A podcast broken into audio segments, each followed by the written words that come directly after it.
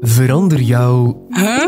naar een. Ah, zo zit dat. Want in deze podcast worden al jouw ondernemersvragen binnen de vijf minuten beantwoord. Oh, zit dat zo? Een podcast van Unizo.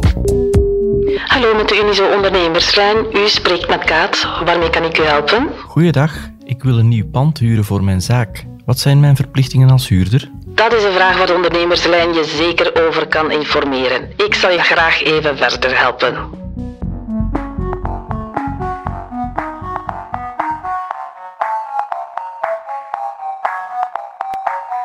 Handelshuur valt onder een speciale dwingende wet binnen de algemene huurwetgeving. Die regels zijn van toepassing van zodra het gaat om huur van een pand dat gebruikt wordt voor de uitoefening van je zelfstandige activiteit, als je daarbij rechtstreeks contact hebt met het publiek.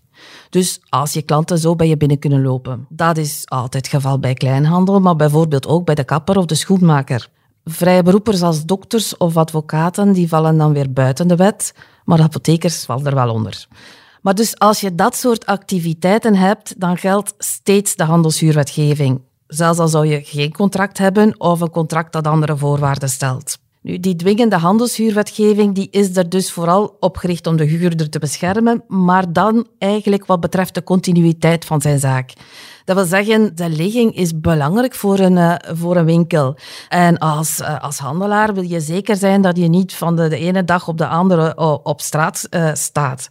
En daarom zien we dat er strikte regels zijn rond de duur en de opzegmogelijkheden en de mogelijkheid tot vernieuwing van het contract. Ook uh, is bepaald dat de huurder altijd het recht heeft om het pand aan zijn eigen behoeften aan te passen. De nodige verbouwing te doen dus. Over andere zaken, zoals bijvoorbeeld de kwaliteit van, het pand, is dat voldoende geïsoleerd? Wie staat erin voor welke kosten? Wel, daarover spreekt de wetgeving zich eigenlijk niet uit. Dat moeten de huurder en de verhuurder onder elkaar regelen. Uh, en dus in het contract uh, neerschrijven, natuurlijk. De gewone duur van een handelshuurcontract is negen jaar. Dat kan langer zijn, maar nooit korter. Mocht het contract bijvoorbeeld opgesteld zijn voor een duur van zes jaar en er is een conflict uh, waarbij de rederechter tussenkomt, dan zal die, die zes jaar steeds negeren en die zal dat op negen jaar zetten.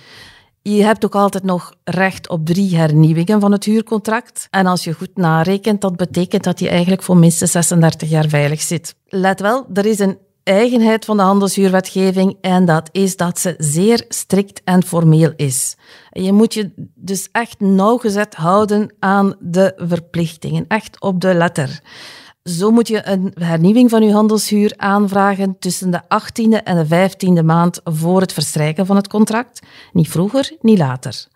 Je moet die aanvraag doen per aangetekend schrijven en dat moet volgens correcte formules geformuleerd zijn.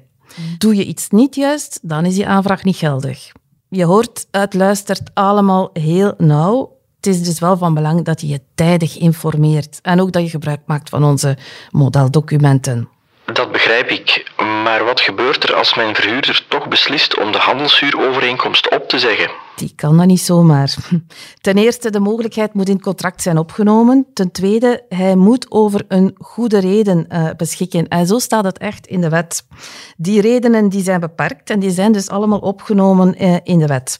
Bijvoorbeeld het feit dat de eigenaar zelf of een direct familielid zelf een handelszaak wenst uit te uh, baten in het pand, dat kan een reden zijn of dat de eigenaar het pand wenst af te breken of zeer ingrijpend uh, wil renoveren en het een andere bestemming geven.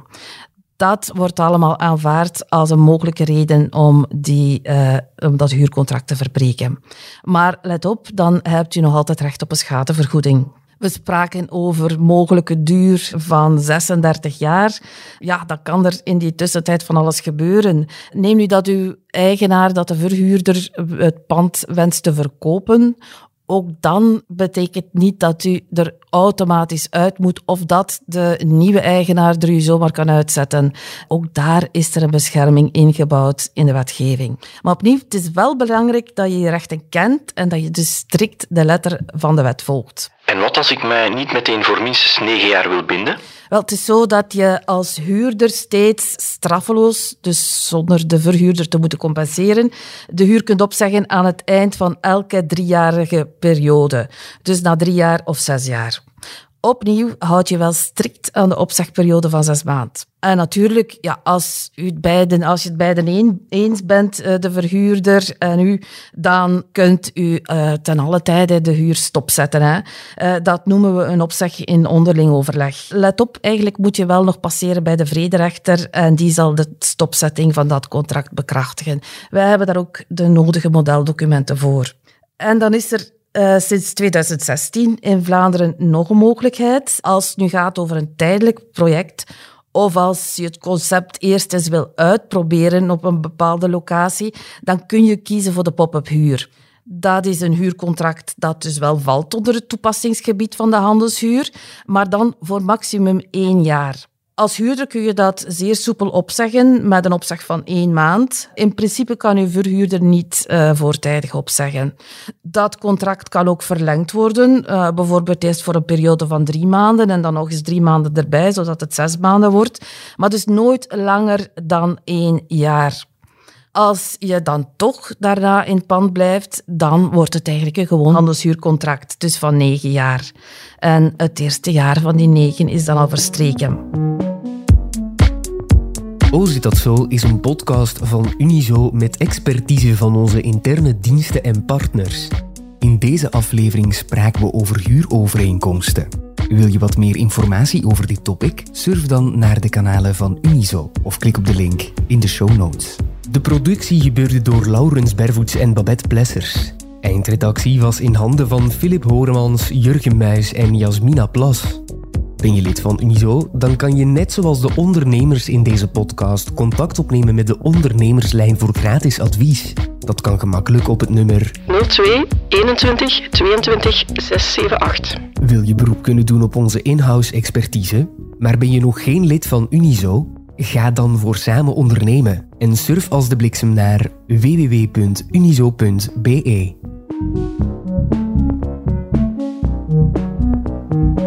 Hallo, Danny hier, de gedelegeerd bestuurder van Unizo.